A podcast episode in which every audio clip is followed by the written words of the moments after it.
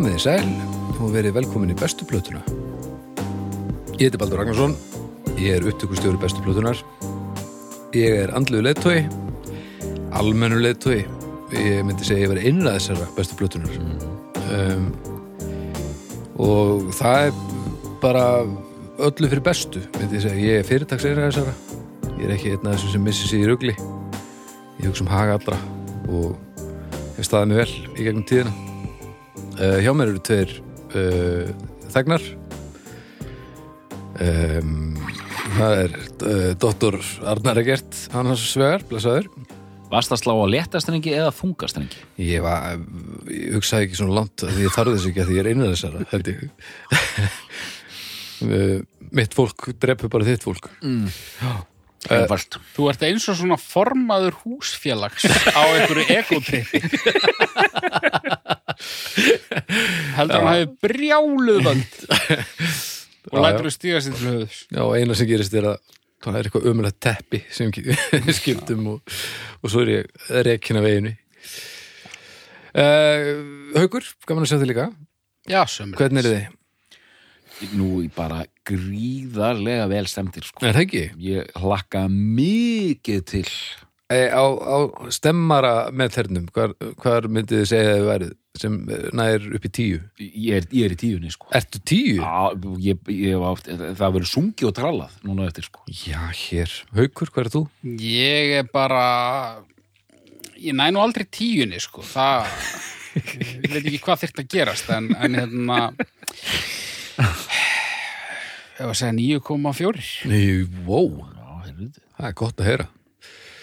Já, ég er svolít sex, sko, en ég er uh, alvaldur, þannig að, þannig að uh, það snýst allt um mig, þannig að ég þarf ekki að hafa af því. Eh, Hlugkirkjan, Já, hvað eigum við að tala um núna? heyrðu hvað með þarna Eru listamenn ekki? Listamenn, jú, þeir eru sko í fullu fjöri. Þeir eru fullu fyrir Já, já, Valdemar Guðmunds, uh, stórsöngvari og, og uh, nýbakkar faðir. Já, og Örn Eldjárn, uh, hérna uh, vinur hans gítalegari og, tónlistamæður mikill úr Svararaldalum. kannastöðan. Uh, þeir, uh, góðu vinir, uh, búin að spila mikið og flakkaði um landið og, og voru alltaf að gera svona topp tíu lista á ferðalögum sínum og þeir eru búin að færa þetta yfir í hlaðvarp og þetta er skemmtilegt. Þeir uh, tóku sér sumafrí og eru konur áttur og uh, þeir eru búin að taka, já, mæta þær báðið með topp tíu lista og byrja náttúrulega nú með tíu og, og, og, og svona hafa sér gegnum þetta þannig. Og ég ætla nú bara að fletta þeim hérna upp sem snöggvast. Síðasti þáttur sem fór í lofti til dæmis hérna uh, er topp 10 gítarsólu. Já, Já, Já, það, þar er að taka fyrir pælið í því ef við setjast niður og ætla að fara að finna og raða í sko rétta röð topp 10 gítarsólu í heiminum. Þetta er, þeir, þeir, þeir eru hetjur myndi ég segja. Já, þetta hvaða íslenska sóló kæmist næst í að komast inn á topp 10 gítarsóló í heiminum? Vá. Það er góð spurning sko. Ég veit það ekki. Nei. Þetta, Ég fór að hugsa um intro sóló eða hjálpum þeim. já, það er gott Það er mjög gott Fór líka að hugsa um í nótt með freflunum. Já, öðruvísi gott Öðruvísi gott. Já Það eru mörg góðið hérna heima sko Já. En ég, ég á eftir að hlusta á hana þátt Þannig ég veit ekki hérna, hvað hva mikið af þessu var íslenskt ef eitthvað En e, þetta, ég á eftir að renni hennar þátt Þetta lítur að vera algjört gull Það sem þeir eru báðir með töluverða einsinn inn í þetta og, og e, þeir eru þeir eru svo nótælegir í þessum þáttum. Það er svo, mér finnst svo gott að hlusta á þá. Þeir eru svo góði vinir, þekkja hvern annan mjög vel alveg slakir að njóta stundar, þannig að tekja á listamönnum. Þeir, þeir eru á löðum Já. og nú þegar hvað, það ætla að segja þá ekki til 27 þætti núna örgulega inn á veitunum, þannig að þið getið held ykkur í listamennina. Miklir öðlingar þessi tveir menn. Já, það er gríðalega gott í þeim. Þekki Örn svona persónulega nokkuð vel, alveg mikil snillingur. Já, og Valdimar svona við erum á góða nótum. Já, Valdimar, ég held ég geti sagt það að hann er mín uppáhald söngurödd á Íslandi. Það er, þetta er ekkert eðlilegt. Frábær. Þetta er ævintýralegt. Mikið væri ég nú til ég að geta sungið svona en ég get það ekki ég garga bara eitthvað hálfalsber það er gott Jæja, þá eru samstæðsæðalinn Þá er það samstarfsaðilinn. Já, og núna ætlum við að hérna, láta ykkur vita ef ykkur Nei, það er Þessi- gestur. Heyrðu. Já, já. Já, Við höfum þetta inni. já, já, já. Besta platan er, eh, það er svo mikil pungafíla af honum Já. að að við nýtum okkur þetta. Nákvæmlega, blessuð Agnes, við erum sérst að taka upp núna uh, hérna samstarfsaðila talið í bestu plötuna af því að það var ekki komið á reynd þegar að við tókum upp þættina. Þannig að nú erum við að nota tíman og við erum að býða eftir því að, að, að Agnes kæma því við erum að fara að taka upp dómstag þá erum við núna að tala um fortíðina. Þá er Agnes komin, það er ekki kveikt á þínum mæka því við átt ekki Já, En bónus sem er bestu plötunni heldur betur og bónus náttúrulega er búið að vera með hljóðkirkjunni í dágóðan tíma núna. Haukur er nú sennilega okkar eh, svona hljóðkirkju einstaklingur sem fer hvað uh, reglulegast í bónus. Já, Þú ert náttúrulega bara hvað annan hver dag lámark. já, algjörlega marg, sko. Já, ég er svona tvisar til fimm sinnum í viku, en það fer alveg eftir vikum sko. Ég er náttúrulega vinn undir sama þakki og bónus, sko. Þannig að það, Já. það hendar ágæðlega þá bara klára maður vinnudaginn og, og hoppar niður, sér satt, ég vinn í kringlunni, Já, hoppa niður í bónus og, og græjar kvöldmatinn. herðu, ég get nú sagt þess að sögu. Uh, síðustu helgi, þá fór ég, ég fór við í leikhús, uh, ég og, og Lilja og Vera og við fórum í borgarleikhúsið á Gosa. Svo kemur í ljós náttúrulega einhverju, einhverju flýti, þá fór hún á fimmleikaðing og svo bara í hliði á, á leiksingunni þá var bara Lilja hún heldur svöng, sko. Og ég fyrir eitthvað þarna fram bara, er þið með eitthvað sem minnir á mat og þá var, að- það eitthvað voða lítið. Þá neldi ég niður í bónus og ég hugsaði bara, við erum hérna miður lögadegi, ég á aldrei eftir að komast aftur upp af því að við föttuðum þetta ekki fyrir svo sent það var bara að vera að fara að kalla inn í sal. Nema ég straujaði niður í bónus og það var svona sáða á mér fátið einhvern veginn og ég náði því sem sé að kaupa banana og svona það helsta og negla upp eftir aftur náða að borga, ég held að veist, ég myndi festast í röðu eða eitthvað. Það hafðist og bara banani í hana og beint inn í, í gósa sko. Ertu að þú hafi komið utan að komandi veitingar inn í salin í borgarleikusinu? Nei, jú en, en ég myndi ekki segja að vera utan að komandi það eru líka inn í henni sko, Já. nema helmingurinn bananur reyndar, en við tölum ekki um það það er allt betur en grænindi börn og, og það er ekki kveikt það er ekki kveikt á þínum mæk núna þannig að Agnes segi, það er allt betra en grænindi börn, sérstaklega á leiksýningum og þetta er hárrétt hjá þér en þetta er sérst ástæðan fyrir því að, að hérna, já, við erum að tala um fortíðan þess er Arnar ekki með þessu spjalli en þetta var mín bónusa í dag það, ég held að, var þetta ekki góð saga haukur? Þetta er mjög góð saga og þetta er mjög skrítið fyrir alla sem eru að hlusta Já. hvernig þetta kemur inn en uh, þannig rúlum við bara hér í bestu plötunni. svona er þetta, og dómstegi Heri, aftur yfir bestu plötun og takk kjælega fyrir okkur bónus en nú ætlum við að takla mál Já. um, ég veit að allavega tveimur sem eru búin að býða lengi sko. Ok. það eru hérna vinni mínir í hálfutunum uh, Tóki Orman sem Já. eru líka dúittinn Down and Out og ég með tóku plötu með Down and Out um daginn. Það er nú skrýtnasta plata sem ég kom með að. Hún er alveg gallsúr. Um, en þeir eru gríðareir uh, XTC menn. Já, og uh, þannig að ég myndi segja að vera gríðaleg pressa. Gríðaleg pressa Já ég eru þetta sko hvergi bángin og Nei, ég bara segja það sama. Ég hérna, ég hef nú verið misstressaði fyrir þáttunum, sko. Ég held að til dæmis slipnótt þátturinn um daginn er þið mitt síðasta. Já, þú varst ekki nýju fjórir fyrir hann Nei, Nei. Ég, ég, ég var ekki maðk ég tinn eftir þann þátt Hei, Ég tinn að meðkunum það var mjög gott uh, Blondi þátturinn, hann Já, Já, þá svolítið svona laður á borðið bara ge- ákveði getuleysi og komst á óvart. Það er Já. alltaf gott þegar væntingastjórnunin var sterk. En núna líðum við vel. Já, ok, það væntingastjórnunin er allavega ekki til fyrirmynda þannig að, þannig að það er gott. Já, Já, hvað, hérna uh, hvað er ykkar komið Heyrðu, það er ég. Það er þú? Það er ég, já. Ég myndi segja að, já, ertu með Já, sko, nú er stór stund í bestu vegna þess að ég er actually með plötur sko. Næs! Reyndar er Arnar líka með plötur Fleiri plötur Já, miklu fleiri blötur og þetta er band sem já, það var það var alltaf stutt í þetta band sko. Mm. það var alltaf stutt í þetta band Já, já, Ég ætla nú að taka mína plötur líka bara þannig að Já, þú getur þá borið saman útgáfur ef eitthvað munur er á sko. Eh, En hérna, ég er hérna með sko Haukur er að sveifla hérna hérna hérna Drums, Drums and Wires er hann að fremst hjá honum. Já, þriðja platan. Já. Black Sea, Black Sea, fjórða. Fjórða. English Settlement, fymta Mummer, sjötta. Skylar King áttunda. Vantar hann að Big Express inn á milli. Uh, Þetta er nú mitt mitt safn, sko. Já, og hvað, Dukes of Stratosphere er þarna á milli með eina blötu líka. Já, hann er nú allur gangur að því hvar fólk flokkar þá hvort, að, Já, hvort þeir séu flokkaðir með katalóknum með ekki. Ég myndi ekki gera það persónulega. Ég, ég er með hérna tvær djúks plötur. Ég er með hérna Oranges and Lemons tvöföld plata. Eru Dukes búin að gera fleiri en tveir? Gerðu tvær.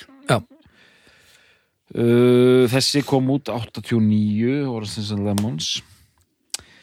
Já, ég finna svona hann, Tokki er svona að horfa yfir öxlin á mér sko, þannig ég ætla að vanda mig að vera með allt mjög vittlust í þessum þætti Já. staðrendir sérstaklega. Já, mér ánægði með það. Um, Jú, hérna í Skylar King Mammer Big Express, já, hann vantar. Já, hann vantar við því líka. Sko, um, Í sammenningu Ég vil, Já. ég segi að þetta sé þessir þáttur er í sammenningu ég ætla hérna ég ætla mér að á orðið á hauki hérna í, í byrjun og, Þarna. og hérna að ég við eigum það reyndar sammeilegt fyrir þann að ég kom tiltölulega seint inn í þetta tiltölulega, sko. Ok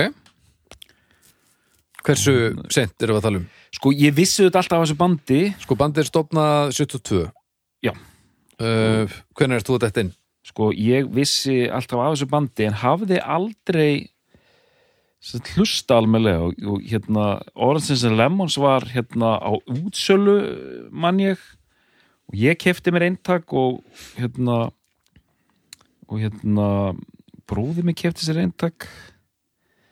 Hann, hann, hann, hann gerði veðmál við mig hvort ég geti slegið í gegnum snerilskinn sem ég gerði og hann þurfti að gefa mér þessa plötu í staðinn. Næs og hérna Þarna, beisla hattriði eitthvað uppbyggilegt. Já, svakalegt sko.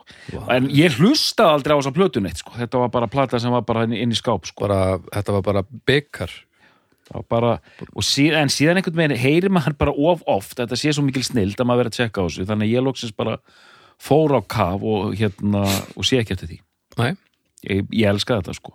Já. En ég held samt að haukur sé d- d- dýpra d- d- d- dýpra settur en ég Já, ég, ég veit það ekki, sko.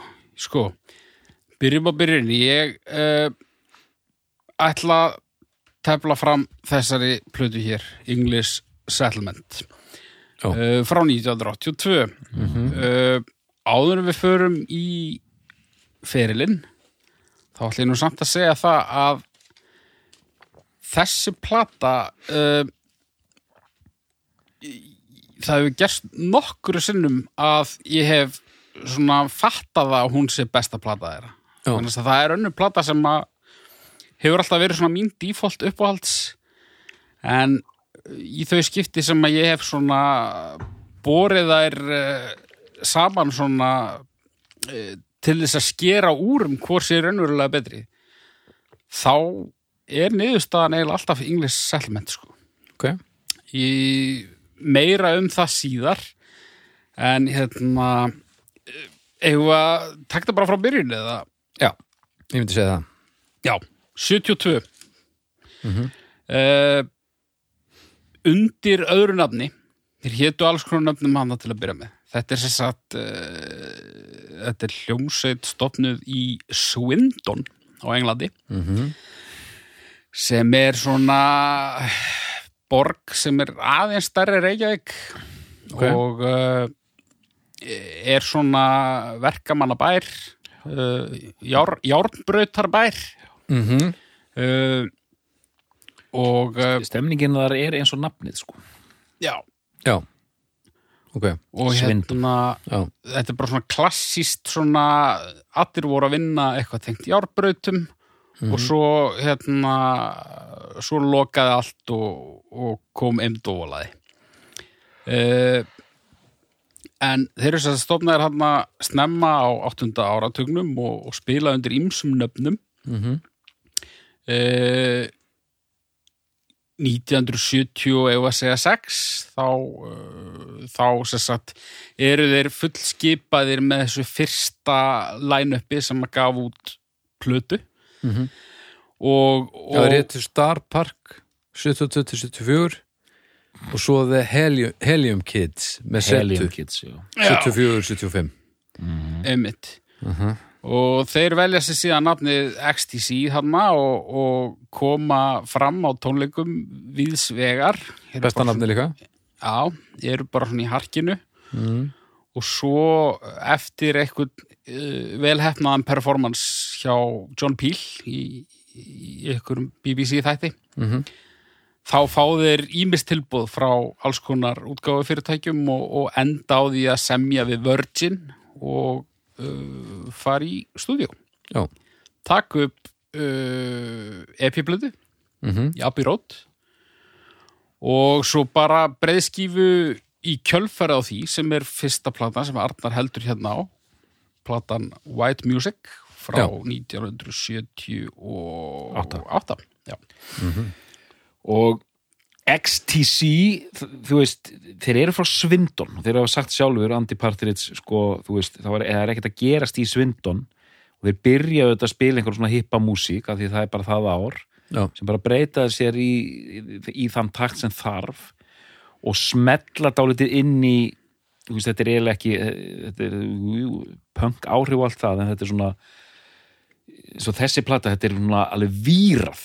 Það er bara eins og allir séu amfetamíni Mhm. þetta er mjög hratt þetta er hérna rosa svona hvað hva, hva orð er að jacket þetta er svona já, vírað hérna, klift svona það er ekkert svona, það er ekkert rólegt við þetta sko, Það svona mikil æsingur svona tauga veiklunar músík sko. Já, já, og ég ætla að henda þið hérna inn í, inn í mixi að bakgrunnur Andi Partist er mjög sérstakur. Ok. Hann er engabann, mm. ólst upp hjá geð sjúkri móður ok, sem hefur í rauninni markað og við skulum bara þræða þessa sögu eins og þurfa þykir eftir því sem við förum í gernum blötunar og ferilum að það, það, það, það markaði hann í rauninni og þann mann sem hann er algjörlega. Ok Já, hann er þarna bara strax sem uh, já, 10-12 ára settur á, á valju hann er sett greindur með ofvirkni og aðtiklisbrest og það var brugðið á þá ráð að setja drengin á valjum og, og það kom nú heldur betur við sögu síðar. Já. Og rosa klárnáungi mm en einmitt mjög svona æstur já, uh, skapandi, getur ekki verið kjör Nei. alltaf að fýblast og með þessa náðargáfu líka sko, og á fleiri sviðum heldur en bara músík Já. En sko þessi plata, þessi fyrsta plata er uh, hún er kannski svo plata sem hljómar mest eins og eitthvað annað. já, sammála já, Uh, en mér finnst hún þræl skemmtileg. Það er samt það er þetta djöfusis orgel. Þannig er orgelleikari sko, já, Það er já, þetta djöfusis orgel á, bara í Andrjús á þessari plötu og á næstu plöturi. ok, það kemur nú fyrir að, að það eh, eigi heima þarna en yfirleitt stingur það í stúf. Er, stingur það í stúf eða er það plássfrekt? Bara bæði. Þú veist, þetta er ekki e, úst, ef að hefur tekið sleðan bara slatta niður þá væri Dors bara frekar eðlilegt band skilur þetta er ekki Já. það ég vil segja það sé bæði. Það er bæði of plássfrekt Já. og það líka á ekki alltaf erindi. Nei, ok, en um, það verða allir að fá að vera með sko. og hérna er önnu, sko, önnu platan er ágætið stæmi, umslæði annar plötinu síni hvað þetta eru nú mikil sniðugum menni. Já, þetta eru hérna já, já, já, já, já. hnittnir, klárir uh, hérna, meðvitaðir strákar Lýstu nú hérna umslagið á, á plötu nummer tvö er bara texti þar sem er verið að lýsa á frekar svona hérna styrðan og leiðinlegan hátt hvað plötu umslag er Já. þetta er svona vísvitandi leiðindi sýnir svona þennan húmor og bara hvað þetta er miklir svona þetta, þetta er bara snillikar Já, já. Sko, ég, mér finnst að við verðum aðeins samt að staldra við, sko, fyrstu blöðuna. já, Þess að strax á fyrstu blöðunni eru algjörlega frábær lög. Og það er kannski, ég sagði að, að þarna hljómið er mest eins og eitthvað annað. En uh, þó eru þarna lög sem að eru ógæðslega góð og, og, og lifta þeim hærra heldur en sambærilegum artistum að mínu mati. Og eh, það er náttúrulega þessi þessi tveir singlar hana Statue of Liberty og This is Pop. This is pop. Sem er- Yeah, yeah, this is pop. Sem er algjörlega frábært lag. Frábært lag. En uh, hvort er að náði neinu flugi sko. Nei, það var hérna This is Pop var tekið síðan upp aftur áður en það var gefið út sem smáskíu það var bara annað take og hann hérna Mutt Lang uh, fór, fór fingrum sínum yfir það. Og það, þú veist átt að setja eitthvað svona meira professional sound á þetta svona, til að fá meiri vinsaldir en, en það virkaði ekki. Og, og þetta það er svolítið mikið af þessu að, sagt, að það séu ekki albumversjón sem eru gefin út sem singlar heldur endur hljóðuritanir eh, allavega nokkur dæmi um slíkt. Ok. En sko þessi plataði mitt. Ég, mér svona einhvern megin já, já, ég, ég, ég sammálaður. Þetta, þetta er skemmtilegt þó að ég er svona jú, jú, allt í læ og mér veist sko, sérstaklega, plata nummer tvö finnst mér heldur, komur óvart hvað mér fannst hún svona eiginlega hálf missefnuð einhvern megin og þarna eru einhver lög sem ég bara hugsaði byrju, er, er þetta XTC og þá svona fekk ég líka þær upplýsingar að þá er hann farin að semja hann hann bara í Andrjús og þau lög eru bara hmm. hálfgjört rugl? Eða hvað? Í- sko, hann á tvö að þrjú lögarna mér finnst super töff, pínu töff sko. Ok, ok. Það er hérna en það er nú kannski aðalega bassalegurinn þar sem að dú, dú, dú, dú. Dú, dú, dú, dú búm, búm, búm ba-da-da-da-dum, búm en hérna en þannig er Andy Partridge að máta sér dálítið, hann vill vera alvaldur í bandinu, þannig séð. Já, Já, og það er svona tókstreita í gegnum allan ferilinn á milli þeirra tvekja hans og, og, og Colin semja, Colin Molding. þeir semja báðir og hérna báðir frábæri lagahöfundar. En það er eh, virðist allavega að vera tilfinning eh, Andy Partridge að- að að- að Colin sé svona eh, meira metin já, hérna, smá saga og hérna hún stendur ógna á honum. Já, sko, hérna þriða plata uh, Þarna eða almennt? Bara almennt. sko, Já. þriðja platan ég, ég ætla bara að segja þessu sögu núna. Drums and Wires, þriðja platan, ógeðslega flott mjög íkonist hérna plötu umslag.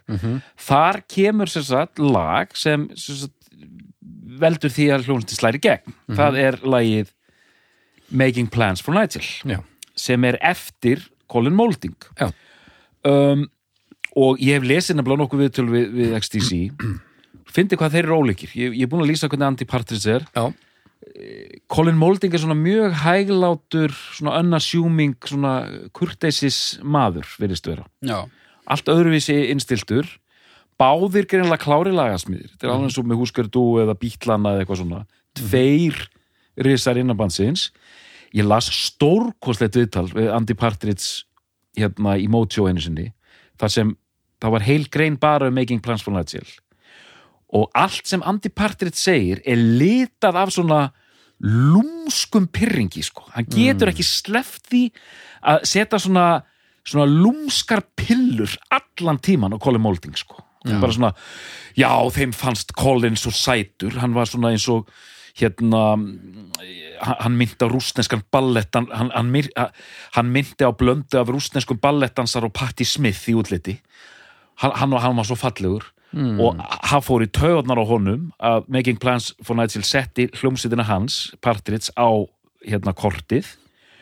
Og bara einmitt, hann svona sætti sig við að jú, hann, hann er góður en Virgin leita alltaf fyrst til molding. Er þú hérna er þú ekki með við ætlum fyrst að setja út lagið til þig? Því þú ert Já. betri í smellarsmiður Ah, fyrir ekki aukur Já, nei, þú veist, þetta er, þetta er bara algjörlega mínu upplifun af, af, að lesa viðtölu við hann og, og, og bara uh, stúdera hann svolítið. Samt er þetta sko, uh, jú, stendur ógna á honum, en þetta er samt, e- ef hann, uh, ef hann upplifir sig einhvern veginn uh, smærri gagvart molding, þá, þá er hann allavega mjög góður í að fela það vegna þess að hann hefur verið mjög duglegur við að lýsa því yfir að hann sé frábær lagahöfundur sjálfur hann tekur mjög stórt upp í sí viðtölum Partridge já, þú veist hérna hverju á ferlinum ertu stoltastur af? Já, ég er bara stoltastur af því að hafa samið lög sem jafnast á við það besta sem bítlandir gerðu.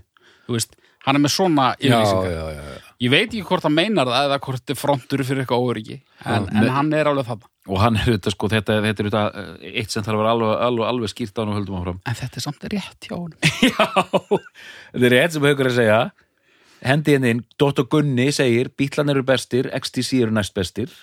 Staða við það. Mm. um, hérna sko hvað ætla ég að segja, hérna mm, nú, ég, nú, nú var ég að detta út. En eins og þessi hérna pyrringur hjá honum uh, og þessi, já, hvað var maður að segja þessi, hann stafi ógna á honum þarna. Ef að vörðin er fyrst að leita til hérna, leitar fyrst á hinn þá er þetta ekkert órökrétt. Þá, Nei, nei, nei, þá nei. stu- bara er það þannig. Þannig að þetta er ekkert, það er, það er ekkert óðurlegt hann er ekkert bara að vera erfiður sko.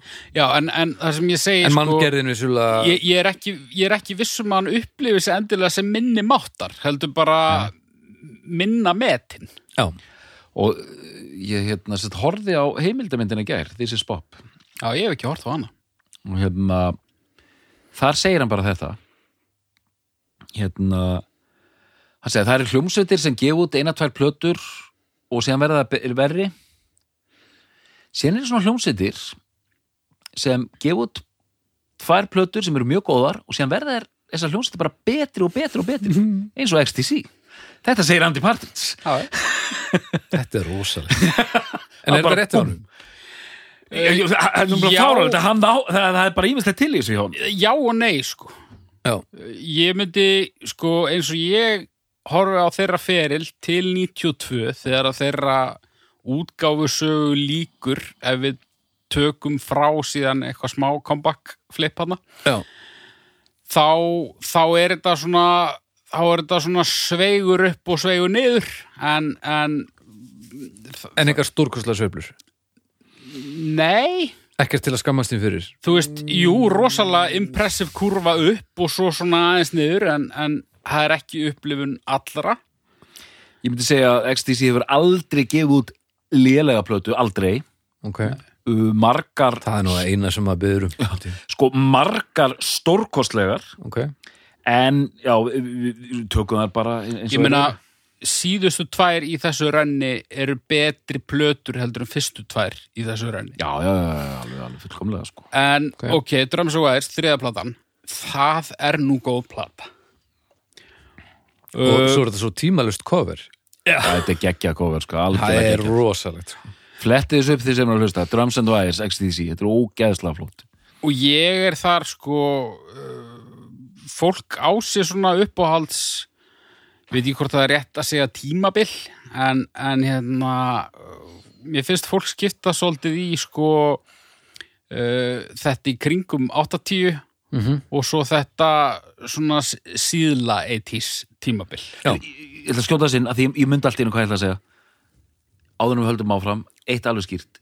Þetta er afskaplega ensk hljómsveit. Já, Það lítar auðvitað allt já, Já, já, fyrir ekki þaukur Já, nei, ég bara að fara að mæra sko uh, uh, sko When you're near me, I have difficulty það er nú bara eitt frábærasta lag sem ég veit og það er svona uh, á þessar blötu finnst mér uh, þú veist, þannig er orgeleikarin horfinn á braut. Hætti í maður að láta mikilli hverfa eða? nei, hann hætti bara í mikilli fílu Nú, út af því að honum fannst hann var fúll yfir því að lögin hans uh, komust ekki á plötur. Já, hann Já. vildi fá fleiri lögin sko. ég skil. En hann var bara ekki jafn sleipur uh, lagasmiður. En sko eins og hvaða lag varst þú að tala um? Uh, When you're near me já, Já, það er Partridge já, Þetta er svona, með Barry Andrews þetta er svona eins og að vera í bandi með Kartni og Lennon og, eins og Ringo væri að reyna að koma inn átta lögum að næstu plötu sko. Já, já, já. og ég ætla bara að segja það ég, mér finnst það betra lag en Nigel sko. en, en Ok. uh, Nigel eru þetta þú veist hittari en ekki hitt. En, hérna, en þarna einhvern veginn þetta er svona tímapunkturinn þar sem þeir eru búin að slípa þetta nægilega til.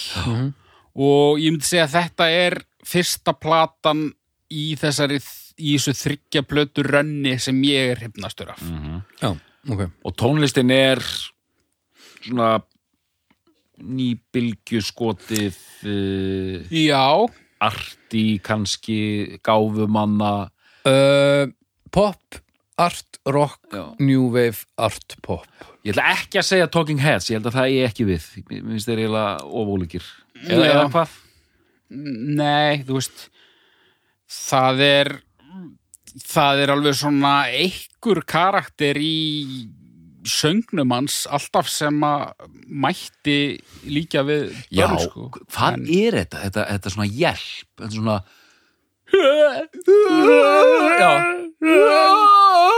Já, bara stórkostlegt. Já.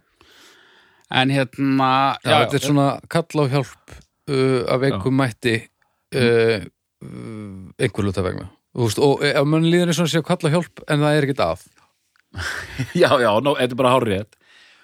Eh, bara uh, vel lýst og hérna moldingar með svona dýpri rödd og svona Mm. venjulegri rödd kannski. En þetta er líka fyrsta platan með line-upinu sem er álitið svona the classic line-up sem er Andy Partridge Já. á gítar og söng Colin Moulding á bassa Mhm. uh, Dave Gregory á gítar og Terry Chambers á trommur. Og engin orgel. Engin orgel. Engin orgel. Og gríðalegur akkur í að fá hérna engan orgel. uh, engan orgel. Hérna, hérna þeir, þeir hafa lýst þessu þannig hérna Dave Gregory þegar hann kemur inn í bandið Já, þá var bara verður bandið til. Þú veist þannig séð, þetta er bara eins og þegar Ringo kemur inn í bílana. Já, uh, þannig er þetta með tvo geggjaða lagasmiði og Dave Gregory líst sko, hann, hann samt ekkert en bara geggjaður músikant sko. Mm. og besta tromma, trommara í heimi. Já, þú veist, við, við, erum, við erum konir þannig sko. Og, hérna, og Dave Gregory einmitt, spilar á gítar og, og hljómbor þegar þarf en það er þetta alveg það er ekkert, það er bara til að lita sko og það er ekki þetta íshokki orgel sem að er á fyrstu nei. en sko trommuleikurinn, mér langar bara að koma í að og bara allur hljóðfæraleikur en, en það er í rauninni það sem að mér, sko uh, lagasmíðar eru eitt Já. en svo er það þessi hérna, þessir töfrar á milli þeirra og bara hvernig þetta spilað og hvernig þetta trommað, trommað og svona uh, innovation. Þetta er, þú veist þetta er bara- það hefði eins og trommunar á þessari plötu það hefði hvað góði trommar sem er geta skilað frá sér sæmulegu verki. En út af því að hann trommar eins og hann trommar þá liftir hann þessu upp sko, þetta eru ótrúlega trommur. Mhm. og það á eiginlega við um allar plötunar sem hann trommar á ef að fara í næstu? Já, endilega. Og það, það, um hana er nú margt að segja getið sagt ykkur. Uh, Já. hér held ég á Black Sea. Og það er platan sem ég hef alltaf haldið með. Já, það er mín nýja kenning. Þetta ég, cover er indislegt já, sko ég man eftir þessu við hérna ég og Baldur erum sem sagt í, í Bad Religion leinigrúppu á Facebook sem telur 29 manns og við vorum alltaf að hóphlusta á Bad Religion plötur þar sem að við íttum allir á play á saman tíu og þetta er svo lúðalegt. Og vorum að spjall vorum að spjallum plöturnar í rauntíma Í kommentum samt. Í kommentum. En það gerðist örsjaldan en þó nokkur sinnum að við tókum fyrir aðrar plötur. Gest, Gestaplötur. Já. og þá man ég að við tókum Black Sea og English hérna, Max TC og það var held ég í fyrsta skipti sem að ég svona það blasti við eftir það reynsli að ég hafði rámt fyrir mér. Ok. Black Sea var ekki besta plata XTC Já. og síðan þá hefur þetta gerst einu sinni aftur og svo núna. Uh, og ég held að ástæðan sé svo að ég bara, ég held með Black Sea. Já. og ég held að mjög stór ástæða fyrir því sé annars vegar upphafslægið, Respectable Street sem er svona fyrsta, það er ekki fyrsta lagi sem ég heyrði með, en það er svona fyrsta lagi sem að greip mig algjörlega. Mm. og svo hérna Burning with Optimisms Optimism Flames hvernig segir maður þetta? Hérna Já, Optimism's und, und, Flames. undir lok plötunar Já, þessi tvö lög finnst mér ótrúleg. Svo eru fleiri lögarna sem eru þrælgóð en það eru það eru hundar. Já, ég hérna Living Through Another Cuba. Það Living finnst mér another- ekki skemmtilegt lag. Nei, einmitt. Sko Hér er upptökustjórnandi Steve Lillywæth maður sem tók upp uh, fyrstu þrjárplötur U2 Já. og hann sér til þess hann var daldið heitur á þessum árum. Þokkalegu listi hjá honum allavega. Alveg sko, á sko sá, mist sándi á þessari plötu geggjað sko. Geðveikt það er allt skýrt, það er allt einangrað einhvern meginn, þú heyrir rosalega vel í öllu. Og hún hefði getað komið út 2010 Já, og geggjað punchy sound. Ég meina hvernig uppáhaldslega hans haugs hérna, Respectable Street hvernig það byrjar, gítarinn maður. Rí, rífandi. Og þarna eins og í Respectable Street þá er komið þetta sem þeir eru eftir að hérna, keira betur inn á English Settlement. Ungir menn að syngja um enska ástandið. Hvernig það er að vera í Englandi og alast upp í einhverjum skítabæjum sko. Og Respectable Street fjalla bara um það. Strax á eftir Respectable Street kemur uppáhaldslægi mitt sem er singull hérna Generals and Majors sem ég finnst bara, ég get, her, þetta er eins og með slipnáttlægi sem hún talar um, það er alveg sama hvað ég hlust oft á Generals and Majors. Það er geggjala. Respectable Street var reyndar fjóruði singull. Já, fjóru, já, fjóru singull. Generals and Majors er bara lag sko, það er alveg sama hversu oft ég hlusta á það, ég fæ alltaf gæðsa húð og bara hvernig það er samsett hvernig gítararnir spila saman uppbyggingin, kaplarnir þetta er bara ógeðslega flott, ég bara, þú veist ég græt eil alltaf þegar, ég heyri þetta lag sko. Og, það og, flott. og það er blístur sóló í því sem er ekki aðstæðanlegt Hæ? og ég vesti blístur í heimi. Já, þetta var ekki blístur Þetta er útöndun Hvernig eða þetta- sóló, átró Þetta var hana.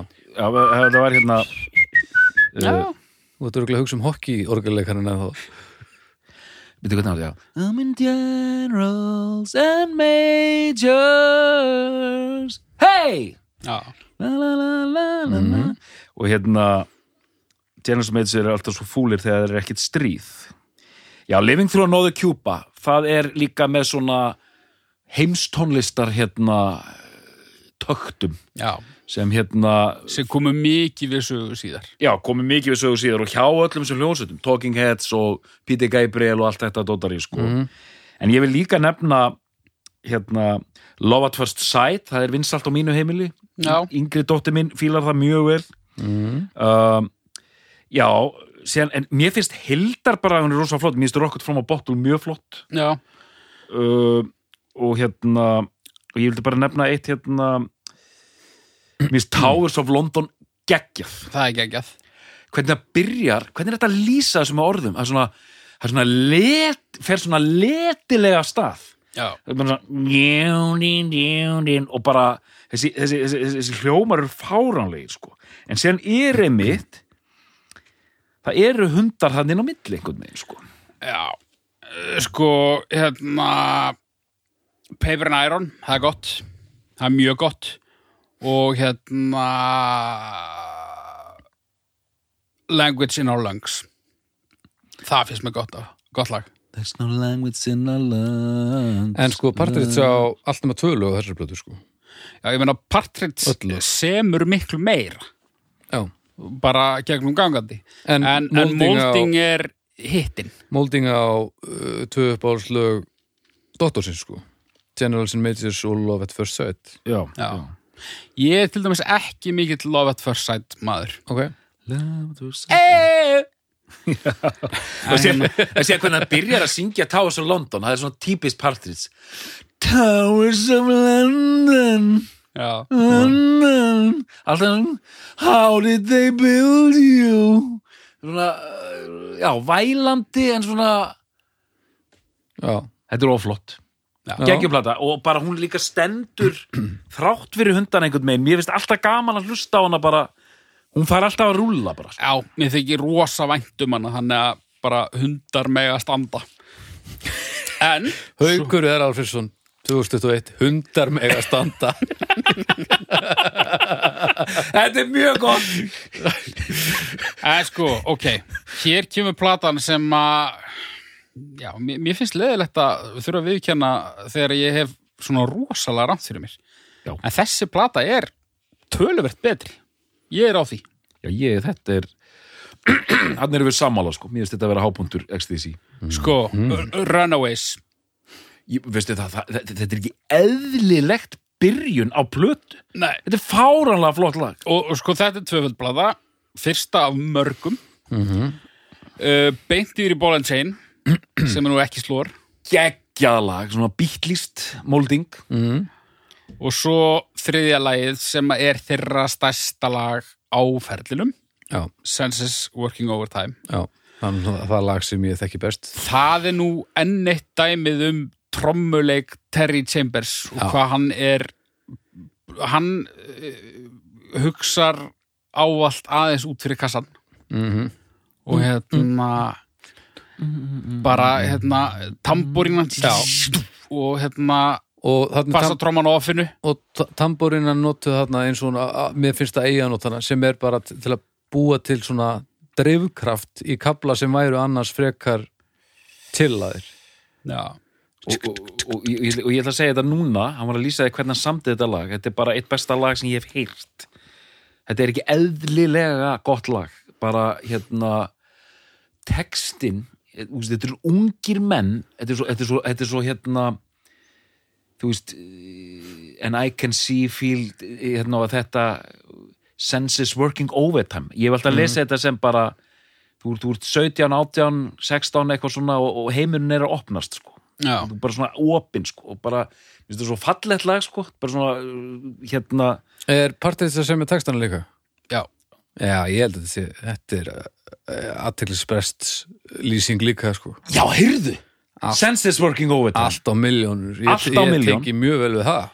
En ég meina, hann sem er alltaf texta og hann er, við höfum ekkert minnst á það, en hann er frábær textahöfundur. Algjörlega stórkursluðu textahöfundur og meiri segja þegar plöturnar fara aðeins að dala setna á ferlinum, Mm. textarnir, textarnir gera það ekki, sko. Ok. Þeir verða jafnvel betri.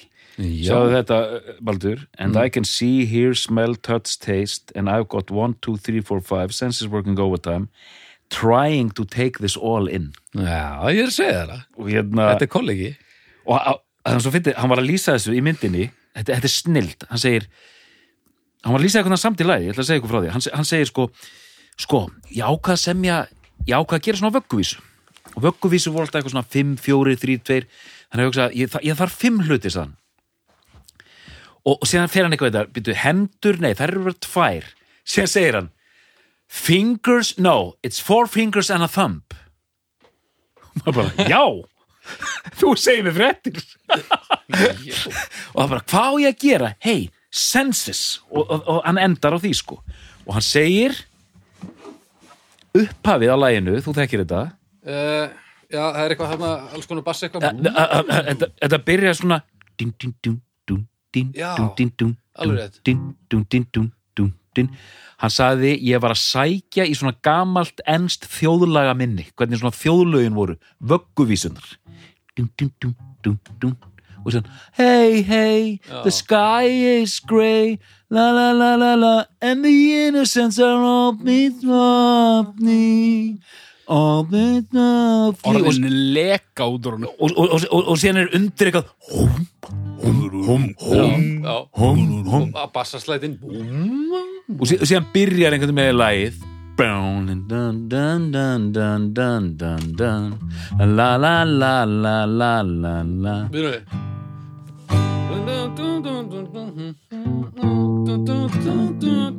byrjuði la Byrju við Two, three, four, five Senses working overtime Trying to work this all in I said one, two, three, four, five Senses working overtime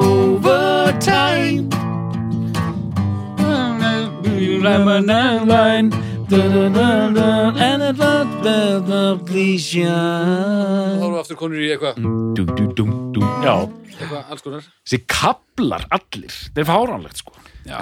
Þetta vila er ægilegur húkur. Hann er rosa flinkur að og þeir að bara einhvern veginn kaplar sem að eru mjög ólíkir að einhvern veginn tengja þá saman algjörlega nögralust Já, Já eh, hættu að eh, fram að tellja upp. Herru, uppáhastlæði mitt á flöðinni en næst. Ég kannski stilli bara gítarinn setna Jason and the Argonauts. Þetta lag er ekki eðlilegt. Nei. Það er Djúvel er þetta flott lag. Þetta er svo gott lag. Og sko, trommunar í þessu lagi Já, ah, sorry, nú maður er í introði á, á Sessisvörskjum á það tæm, sorry. Aldrei frá Já, getur þú spilað? Uh, ég veit ekki, blum, blum, blum blum, blum, blum, blum, blum, blum. Sko- Þetta er svona muted Já, ég get potið spilað þetta en ég ætla ekki, ég ætla ekki að finna út í núna. Jason and the Argonauts.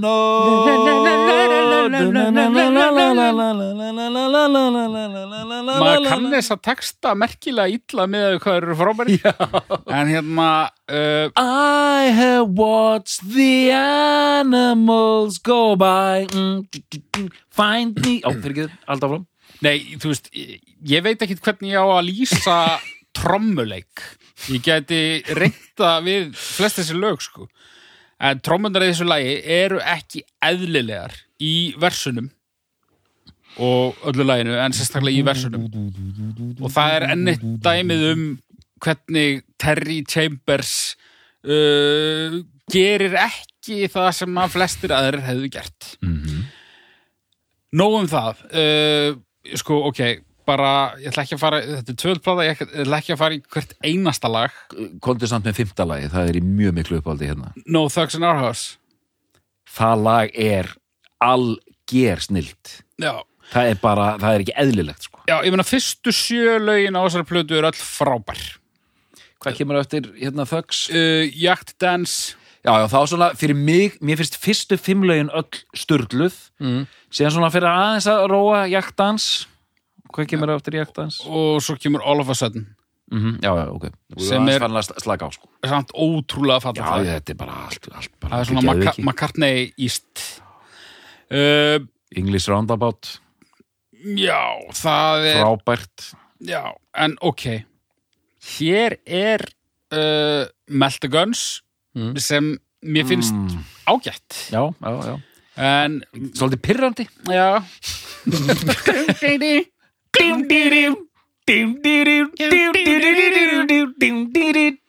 Þetta er allavega byrjandi Hann, þetta er svona, hann er örugglega pirrandi gaur sko. Taldu pirrandi. Næst kemur mest pirrandi lag sem ég hef heyrt sem ég elska. Já,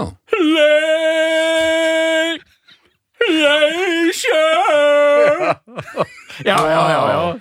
Þetta er svona, Lelelele. þetta ætti að vera mökunarkall túkall svona, eitthvað svoleiðis. Það lag það, það á ekki að geta verið annað en ömulegt að það er svo pirrandi Þú varst allavega ekki að selja mér neitt það er, það er svo gott Ok, Leisure hvað er það við Leisure Sko, sem er er ég- svona frábært þetta, þetta er svo plata sem ég hef hlustað á eitthvað með XTC Ég er nefnilega bara búin að blokka þetta Ég er bara mann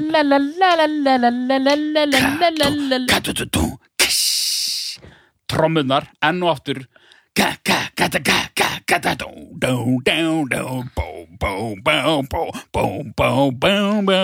Síðan er- Og síðan hann Afríkulagi, heitir það bara Afríka? It's nearly Africa já, það, það er hundur. Afríka Ó, ó, ó, nýli Afríka Ó, ó. Ég, ég fullir það, það er hundur. Mm. það Ok. er fyrsti og eini hundurinn á þessari plötu. En það, það er bara regla sem er uh, ekkert hægt að að fokki í. Þetta væri betri einföld plata. mm, Sko, þarna kemur einmitt, ég, ég og, hérna, það hefur komið í ljósið þessum þáttum, ég og Baldur erum aldrei sammála um þetta, sko. Baldur er með þessa kenningu, hún, hún væri betri einföld, ég er að haldi þessa kenningu að plötur geti verið góðar þó það séu 36 laga, eins og sandinista, en ég held að vi- vinnur okkar Þorgir hafi einmitt tekið þessa og sett hana niður. er einfalda. niður, eins og hann, já, Já. hann tekur sér tvöföld albúm, uh, hann er að, að gera það reglulega, tekur tvöföld albúm og síður þetta niður í eina plötu. já. Og heyrðu, hann tók Runnaways af, mér langar til að hlaupa heim til hans og kirkjan, sko. Já, En sko, Hann er líka stutt að fara, þessi plata væri mögulega betri ein og hálfföld vegna þess að já. það eru það eru frábær lög sem fylla þrjár hliðar. Mjög stertlega hérna frá Molding hérna Fly on the Wall það? Já, það er pínu pyrrandi Já, ég, ég fíla það alveg sko. Já, það, mér finnst það aðalega bara ekki alveg eiga heima á þessari plötu Nei, það er En- mjög ólíkt stemningunni sko. en ég, hérna, mér finnst það ekki slæmt lag ég hefði ég hefði, mér þætti að eiga betur heima á fyrri plötum Af því þetta er, svo, þetta er líka svo flott mér finnst þetta mér finnst þetta að vera svo flott konceptplata Já, bara svona Englishness konceptplata sko. já, öll þessi lög er bara eitthvað svona já eins og til dæmis hérna eh, eins og hérna No Thugs in Our House. Vá, það, það hérna þú spyrir að hérna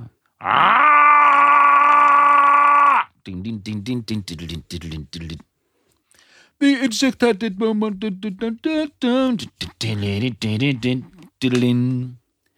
And all while Graham he said þú ert ekki að syngja No Thugs?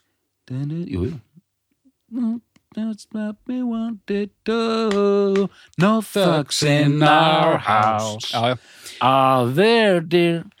Þessi, Þetta er ofta eins og þrjú lög í einu lagi sko. sko, ég fann póstinn sem tóki, tóki græjaði. Oh, Góður, góður. Og Góður. góðu fréttinnar eru að við heldum að við erum að segja hauki fréttir. Haukur er búin að kommenta á þessa fæslu Akkur ég það að vera að segja mér fréttir?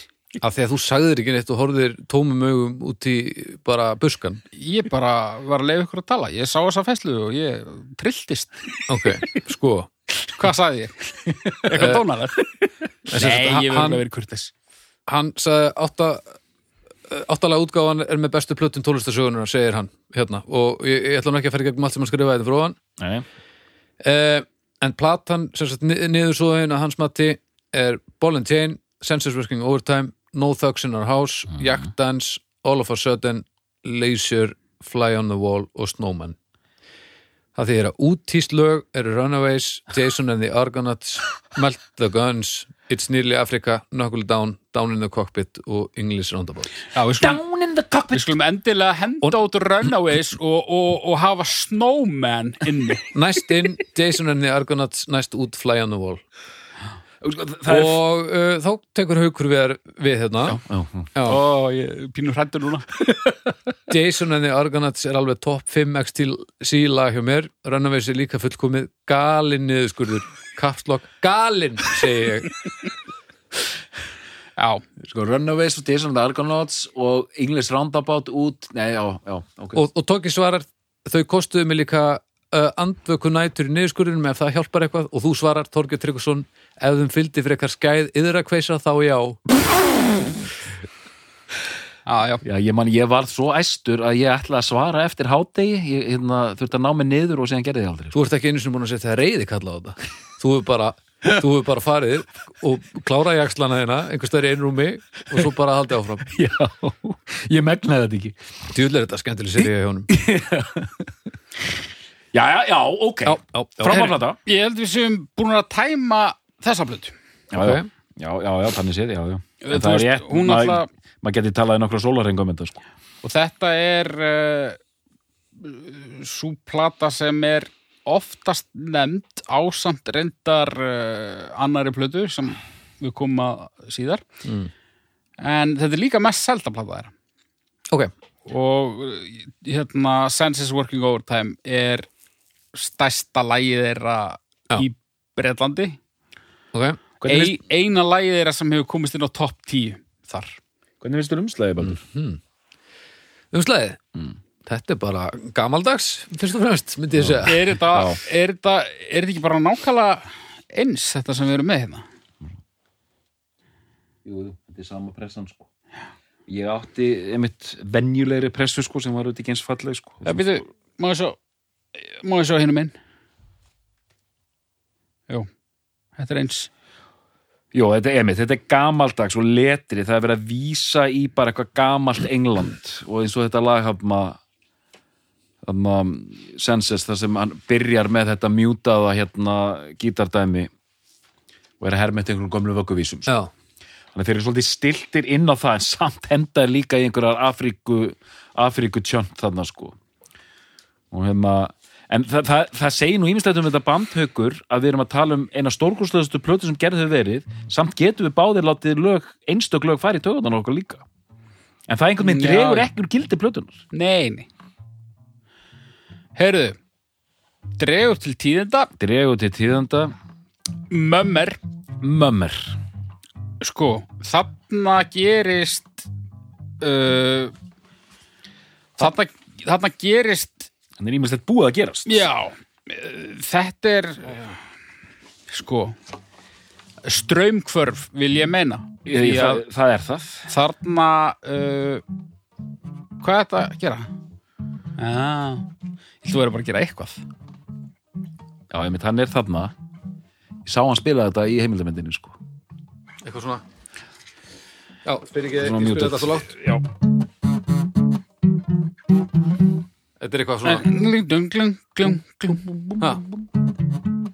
Og svo, Þú ger, gerur einum of Þetta er svona hann, hann, hann, þegar hann var að sína þetta hann spilar viljandi svona veikt slaft illa einhvern veginn sko. já, þetta er allavega, já, spes. mm já, einmitt, spes já, Ja. kannski, já, dreif út í tíðenda Já, það- haukur er með fréttis Já, þarna gerist náttúrulega bara ömurlegur atburður að uh, Terry Chambers hann fær alveg nóg Já.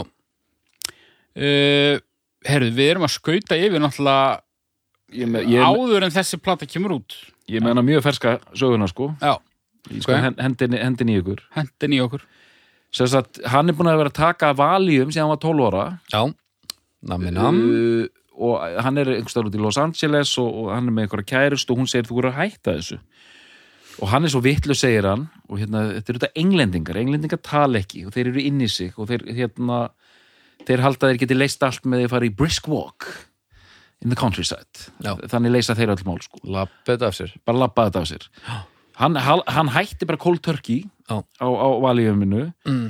og þarna fer allt þarna fer að losna um allt sem enda með því að hann fær bara Já. og hérna og það er ótrúlegt að sjá bandið er, var að fara að túra með Police hérna til bandaríkjana þeir voru bara á toppnum sko. Mhm. og að sjá þessa tónleika hérna sem þeir eru að halda Þeir voru í forstofunni já, þeir voru, að, þeir eru algjörlega sko, bandið er ógeðslega þétt Þetta er svona döðu vision já, uh, forstofu moment. algjörlega sko Já.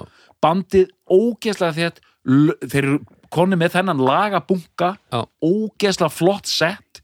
Allir spila bara eins og, eins og hugumanns andi alveg geggjaður á sviðinu og þetta er svona band sem hefði geta orðið bara miklu miklu stærra.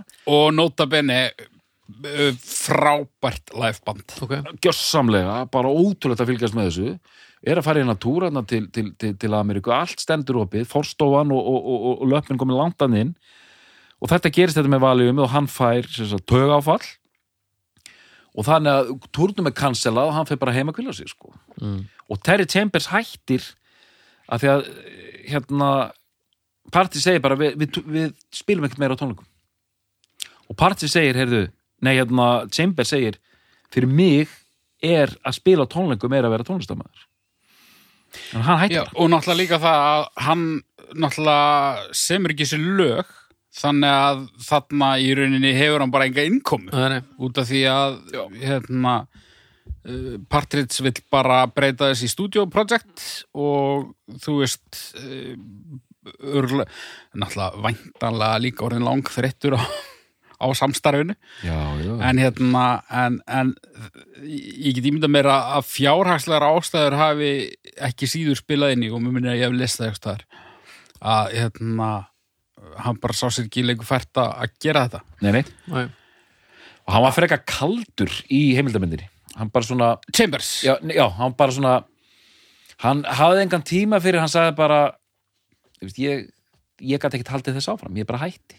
Já. maður sá að hann var bara svona síðan hvernig er þessi mynd? Fuck this, hún bara tveggjara gömul kannski. Já, já, En- hérna, þarna missir hljómsveitin sko rosalega mikið, já, já, finnst mér. Já, og plötunar sem koma á eftir eru sumar uh, undir meðalagi sumar eru góðar. Mm en uh, einhvern veginn finnst mér rosalega stór partur, þú veist meiri sér lögin sem eru og það er eftir að koma alveg frábær lög.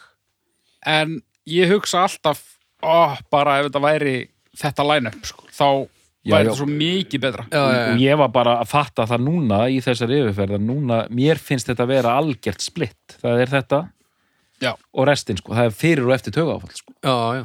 og er það tögafalli eða að hann lætur sér hverfa ég þú veist breytist uh, breytist hann partrits við tögafallið sem mm, artisti, ekki sem lagahöfundur ekki sem lagahundur Nei. nei, þannig að, að það að missa hann Chambers, það er breytingin í rauninni. Það er breytingin en líka tíðarandi myndi ég segja. Út af Já. því að sko plöturnar hann Drums and Wires, Black Sea og English mm þær hljóma allar óaðfinnanlega.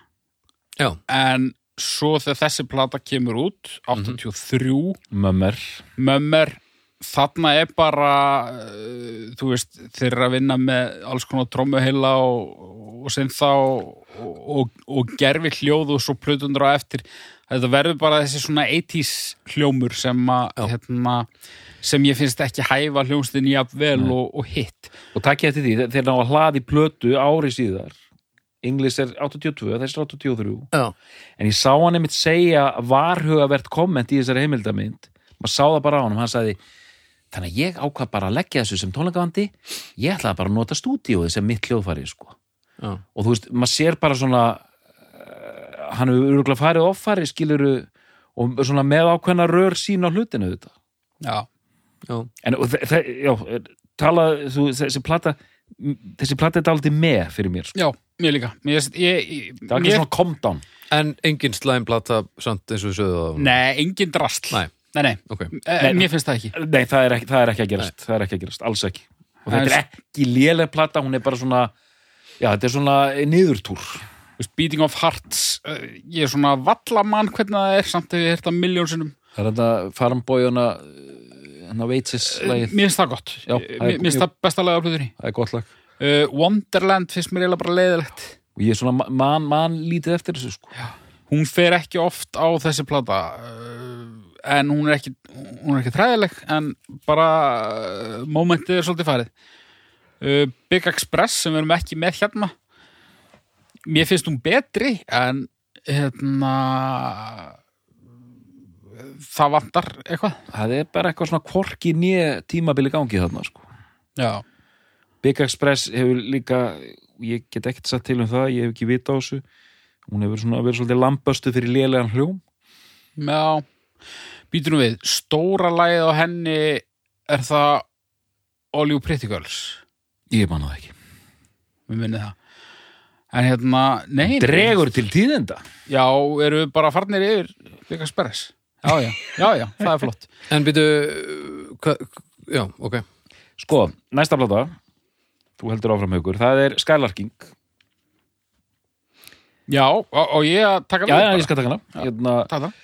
Skylarking hérna, sem kom út 86 uh, það er plata sem mjög oft er stilt fram sem bestu plötu XTC og ég er engan veginn á þeim vagni mér finnst hérna helstu sigrarnir voru unnir þarna fyrir tögaáfall Skylarking er hérna uh, upptökustýrt af og, og, og, og, heyr, og heyrðu nú Baldur, það er maður sem hefur komið við sögu hérna nokkuð oft í þettinum ok, Todd Rundgren er mættur á svæðið hvað segirðu? Todd Rundgren er mættur á svæðið Já, já, já, já Sá, já, já, já. hérna ga- gamall vinnur bestu plötunar Mm. og það, Andy Partis segir, segir frá því, hann segir okkur var bara stilt upp veg og sagt við ætlum að breyka Ameríku við verðum að fá amerískan pródjúsir Todd Rundgren mætir á svæðið.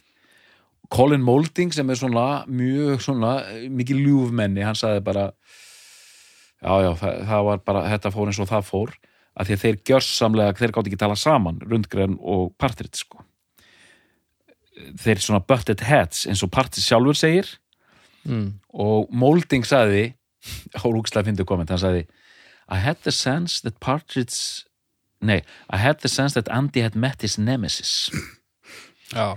bara þú veist, þeir eru alveg eins og með, með sínar hérna skoðanir. Hann sagði eh, Rundgren er tveggjatökumæður Andy er hérna 40 ta- ta- hérna tökumæður Svo tilfinning sem ég hef haft af uh, því sem ég hef lesið um þessa plötu er svo að þarna kannski fyrsta skipti uh, var ekkur svona sem að eiginlega sagði Andi að fokka sér sem að þurfti eiginlega að gera. Jú, jú, en hérna þarna í fyrsta skipti fær hann eitthvað mótspyrnu og hann er búin að auka völd sí- sín innan bandsins. Akkurat. En svo uh, klessir hann á rundgren veggin fræga.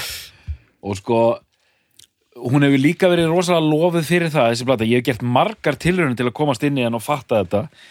Öll lögin svona renna saman og þessi hefur líst sem bara svona einu heilu svona ambient verki sem er bara svona hérna hilling á ensku enskum ögrum Já, mm. og þetta er alveg góð plata en, Já, hún er fín. hérna, en ég hef aldrei frelsast. Sama hér, bara algjörlega samanlega og mér Ok. finnst uh, singullin hann að grass minnst það leiðilegt lag. Já, samanlega svo svona, svona, bjellið með blör eða eitthvað en það var nú, það var nú merkileg bjelliðin á græs Uh, já, já, já, já, já, heyrðu ég glemdi því næstuði bara. Hvað? kóttu nú með það. Það er lagið Dear God. Innskot. Við, við komum aldrei með disclaimerin hérna í byrjun en djúvel er örgulega skrítið. Það er örgulega einhver hluti af hlustendum sem að þekkja bandið og aðri sem þekkja það namninu til. Mm. en það er líka örgulega dágóður hluti af hlustendum sem vita ekkert um hvað við erum að tala. Ég við myndi erum að vita tala þetta í svona 50 mínútur af svo miklum ákafa. Já, ég myndi ekki vita hvað þetta væri ef ég tekti ekki tók á honum hann Ég hugsa ekki. Nei. en allavega þú, Jú, Gummi, gummi Svavars let mig hlusta á Dukes og Stratus En við erum að tala um þetta basically eins og allir þekki þessa hljómsett sem er bara fínleið til að tala um þetta. Já, já, og þarna kemur eh, hérna hérna endurtekin leikur að það er leitað í smiðu mólding til að fá fyrstu smáskjöfuna og hann kemur með lagið Grass sem Haukur var að lýsa sem leiðinlegu hérna rétt á þann og ég já. sammála. Á bjöliðina er hent lagi sem partir sjálfum hann, hún fannst það ekki það merkilegt hann vildi ekki fá þetta inn á blöðuna það var lagið Dear God. Já, og Dear God er eitt þekktasta lag XTC Já, sérstaklega í Ameríku. Já, af því að amerísku plötu snúðarnir já, fóru að spila það lag alveg á miljón sko. Og uh, Virgin brást við í, í miklu óðagóti og bætti því á plötuna strax í, í annari pressu. já. Þannig að það er uh, víðast hvar á plötunni. og, Ok. og svo, Frábært lag. Já, og ég, og ég ætlaði myndi að segja hérna, svo hérna svo Þorgir Tryggvason fá nú hjartaslag að mér er alltaf þótt þetta lag bara svona allt í lagi, sko. God. Já, Já, ég, það kom seint inn hjá mér ok. sem svona eitthvað, eitthvað stable sko. Já, en, já. en ég, ég dýr katalag okay. uh, Og textin hérna um sem sagt fárónleika trúabræða og, og það dæm allt saman. Mm. já en uh, já, Já, hvað hva er að frétta á okkar pildum? heyrðu hversu mikinn útúdúr eigum við að taka fyrir uh, greifana? Þeir eru greifar, nei, þeir eru ekki greifar, þeir eru hertóar stuttan. En nefnum þetta. Til þess að fá smá slaka í samstarfið og bara líða þess betur þá Já. ákvaði þeir að henda bara í bónafíti heiðrun til hérna sjönda áratugurins og sækadeljunar sem þar reyður röftum. Jú, jú, Nú förum við reyndar, er það ekki aftur um eitt ár, er fyrir platan ekki á undan Skalarking jú, hún er 85 Já, og svo er setni 87 já. En Ég tökum hlusta bara að saman slatta hérna. þá setni, sko. Ok. Ég er líkt hlustaður við ekki Ég hlusta meira á fyrri En Já, hérna þið þið verið að fræða mig, piltar. Það er bara, sko, nú á ég ekki þessar plötur í föstu formi, þessar Dukes plötur og það er bara engin hægða leikur að að nálgast þetta. Meiri segja sko önnur þeirra er ekki einu svona á YouTube sko. Ég skil það er ekki á Spotify. Eru það ekki? Nei, Ég átti að vera á það er, seti, man ég. Það er eitthvað svona compilation Svo svona best of eitthvað á Spotify. You're a good man, Albert Brown. You wounded in the war. Nei, eitthvað. En sko Partridge er svo klikkaður og hann er maður sem fær sko miklu fleiri brjálaðar hugmyndir en hann framkvæmir þó hann framkvæmi mikið af þeim. Mm. uh, einhver hugmyndir sem hann kom með til Virgin var það að gefa út sko fake samplötu með uh, einhverjum lít þekktum 60s böndum. Uh, sem að væru þeir þeir myndu semja 10-12 lög og í, dulbúa í einhverjum stílum sem 10-12 mismunandi hljómsveitir og artistar. Já. bara svona tínd sapplata og því var hafnað. En- en, en, Það talaði um það að þú getur alveg pinpointa sem þessi lög á, á artista, sko. Já, þetta er í rauninni mjög svipuð pæling Já. nema ekki hugsa sem sapplata þetta er svona svona uh, uppskáldað band. Já, en hvert lag eh, ég held að þeir hafi hugsað lögin sem tribut til ákveðna banda, sko. Já, mjög mörgaðum Já, allavega. Þú veist, það er, ég man ekki hvað lag er það er ægilega bítlalegt það eru bítlar og boys og Já, það er já. allur fjandinn hann mikið Já. síkadelist og þetta er þetta er gott dót, sko. Já, þetta er, þetta er eiginlega vel gert. Þeir gerðu þetta bara á þeir sko þetta voru einhverju örfáir stúdíótímar sem þeir notuðu og þeir settu sér einhverja reglur það var, þú veist uh, tvær þrjá tökur max Já, já. uh, og þú veist uh, spila á einhver vintage hljóðfæri og eitthvað eitt viðbútt og svo bara ítt á rekk og þið fyndi sko Tótt Rundgren, hann hafði gert svona plötu með hljónstöðin sinni Utopia sem svona bítlaplata innan gæsalappa Já. Síðan auðvitað sumir hafa sagt að þessar Dukes of Stratosphere plötur hafi verið svona nánast undanfari eh, Britpopsins á, á einhvern hátt því að það voru. Britpop hljónsveitir eins og Ocean Color Scene og hérna og, og Ride, hérna Carnival of Light sem voru svona psychedeliscar svona plötur sko. já, þannig að þeir eru svolítið aðeins að jumpstarta því sko. Búralleis endur líka í Stone. Roses Já, Stone Roses hip- hippa fílingur sko. Já. en sko fyrri Dukes of Stratosphere platan, hún seldist meira en allar XTC platan Já. hún er mest selda platan sem að Andy Partridge hefur Aha. gefið út sem er ókslega fyndið Svo setni Og- fekk alveg fatta dóma, sko, allavega já, það er fenguð að báðar sko held ég en, You're a good man, Albert Brown það er uh, lagið sem að ég mann hvað best eftir, sko. Það var singull af síðari, sko. Það er bítla er Andy Partridge Mr. Bean uh, bresku nýbylginar Dálítið það gengur aldrei neitt upp hjá hann og býr í Svindon. Hann býr í Svindon. Hann er að uh, móast eitthvað með þessari hljómsveit. Ekkert gengur. Svo gefur hún eitthvað asnalegt flipp og það verður hittari. Já, og einhvern veginn allt sem hann reynir að gera það fer úrskeiðis veginn. Og, ef hlutinir skiptaði um miklu máli þá uh, það er bara ekki gott. Já, og- ég, bara, og, klú, og klúðrar besta læginu sínu á, á, inn á, inn á bjellið já. Þetta er Já, allt sko. Allt í ruglir en sko kannski bara örstutt um uh, þetta líka, þú veist, þeir gerðu rosalega lélegan og ósangjarnan samning við Virgin, fengu eiginlega aldrei neitt fyrir þessar plötur. Ok, uh, er móka út singlum eiginlega engir að þeim náði í gegn sko. Er þetta allt á Virgin? uh, þanga til uh, 2000 og eitthvað þegar Comeback Já. og þú veist, þeir voru í laga deilum við umbósmannin þeirra sem var eitthvað drullu halli og, og þú veist, Já, já. þetta er allt svona, allur ferillin er vesen og Já. ég skil bara ógeðslega vel að hann hefur sagt þetta gott. Ég svolítið, hérna, má ég aðeins, ég ætla að nefna eitt hérna.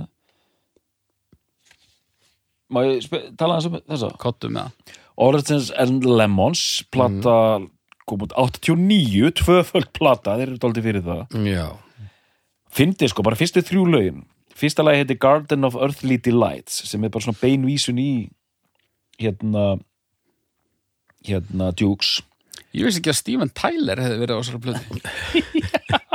Þetta er, þetta er mjög svona late Já, 80s hérna já. fílingur Steven Tyler með aftan á hettusótt. Aftan á, síðan kemur, þetta er svo mikið 89 sko síðan koma þeir tveir. Mér finnst þetta svolítið dæmikett fyrir þeirra stíl. Það er Mayor of Simpleton sem er, mér finnst frábært lag. Já, fallett lag eftir Partridge. Uh, það er svo margt í gangi í því lagi. Já, þetta er bara fáránlegt sko. En síðan kemur strax á eftir þá kemur Molding með hérna lag sem ég elska. King, for, King for a Day. Það er ótrúlegt að þú elskir eitthvað sem hljómar alveg eins og Look Away með Big Country Það er alveg ótrúlegt. Á dauða mínum átt ég vor Herðu býtu, vá, þe- þetta hef ég aldrei tengt saman. Ekki? King for a Day og Look Away. En þú ser það, eða heyrir það? Jesus, nú, ég fekk heimaverkefni. Hann er alltaf að láta mig hafa Já, heimaverkefni þetta þetta er fullinu orðin. Shit. já, ok. Ég ég er bara, ég er flabergast þetta hérna í beinu útsendingu. Já, ég pff, er Luke, er feelingur í þessu? Já, sami taktur og svona fílingur svona. Það skýrir það þá ég held ég var að verða einhver molding maður en hérna, ég auðvitað, mér finnst molding flottur og hann flottur einhvern veginn, ég get ekki gert upp á millið þeirra sko. mm. Það eru fleiri góð lög hana já, skjótu uh, Já, bara strax á eftir því kemur hérna mjög skrítið lag En mér finnst það alveg trillt Here comes President Kill again mm -hmm. hvernig var það þér? Here comes President Kill again og svo kemur eitthvað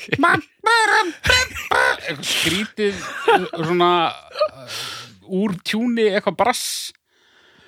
Já, já, já, já, byrju þetta er að rifast upp. Og hérna Æ, þetta er bara svona svona, svona, svona þyrl, svona marching band eitthvað, hvað það er svo hérna, The Loving, mér finnst það mjög gott. Uh, já, þessi plata er tekin upp í LA hann fóru, þetta er svona LA þetta er svona LA plata er að fengi eitthvað hérna gaur í hérna í hjólaböksum með ponytail.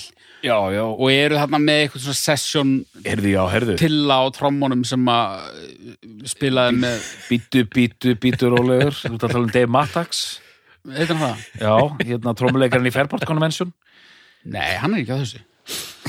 Trommarinn á þessu heitir hann heitir eitthvað allt annað. Okay, Ég veit ekki Pat hvað þú varst Mastellotto Já, hann heitir það. Já, ok, ok. Þá, þá, Ég veit þá ekki- má hann vera tilli Það er King Crimson og Já, já. Rembrandt Tilli Já. Nei, nei, hann ljómandi trommuleikar Hann myndaði honum hérna satt Hann, fyrirtak. Jú, hann er til í honum. Já, já, hann er með hvað er hann með hérna að ég þór ekki að segja orðið. Hvað? er hann með píkutrilli Hann er allavega alveg Hann er steinhissa að vera stattur á trómunum hérna, á þessari mynd á Wikipedia. Nei, ég veit ekki hvað trómar þú varst að tala um uh, en uh, þessi er rosa fín en bara nett dæmi um það þarna vantar uh, minn mann Terry Chambers. Þetta er bara svona típiskur svona 80s trommuleikur bæði spileri og sound þú veist, þetta er hérna já fín plata, Eh, þessi plata þarf ekki að vera tvöld Nei, Nei, já, ég- þarna skal ég taka undir þessa Tokki mætti eiginlega taka þessa plötu. Það má, það má skera. Gaman að segja frá því að þessi plata er tvöföld en hún er samt styttri en flestar slitnúrplötunar Já, ok. Heyrðu, bara næsta. Síðasta platan í rönninu. Nonsuts Já. Hún er ágætt Já, ég var að svipast um þetta vínileintaki það er, það er sjálfgeft sko. Nonsuts byrjar með frábæri lagi The Ballad of Peter Pumpkinhead. Mér finnst- Já. Mér finnst það æðislegt. Já, það er svona það er rosa svona basic Já, lag en það er gott. Svona varðeldar lag svolítið, hvernig var það aftur? uh, Ég man ekki, ég var að hlusta á það var síðasta lagi sem ég hlusta á áður en ég sótti þig. Það var hérna Peter Pumpkinhead came around. Di, di, di, la la la la. Herru. Hérna Radio Silence. Krass, kra- Krassters Dummies tóku útgáfa af þessu lagi. Heyrðu, þeir eru nú bara heimsins mestu XTC menn. Nákvæmlega. Já, og þá þetta hljóma að lagi svona Peter Pumpkinhead með, með þessu sko. A Vá, hvað er náðu þessu. Já, þetta var mjög flott. Já, En ok.